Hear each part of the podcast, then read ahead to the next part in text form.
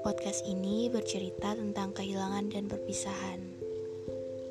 Dua kata yang sama-sama menyakitkan dan berat untuk dijalani. Tapi kita juga gak bisa memaksa seseorang buat tetap bersama kita karena mungkin memang dia tak ditakdirkan untuk kita. Memang kadang apa yang kita inginkan di dunia ini gak bisa semuanya jadi milik kita. Beberapa harus kita lepaskan dari genggaman, bahkan mungkin saja yang belum kita genggam sekalipun. Melepaskan lalu mengikhlaskan hanya waktu yang akan menjawab semuanya, bukan dengan masuknya orang baru.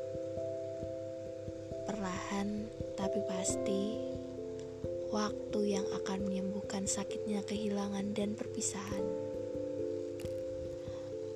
Untuk kamu yang sedang pada fase kehilangan atau berpisah, semangat ya! Aku yakin kamu pasti kuat kamu pasti bisa. Waktu akan perlahan menyembuhkanmu, dan bahagia pasti akan menjemputmu.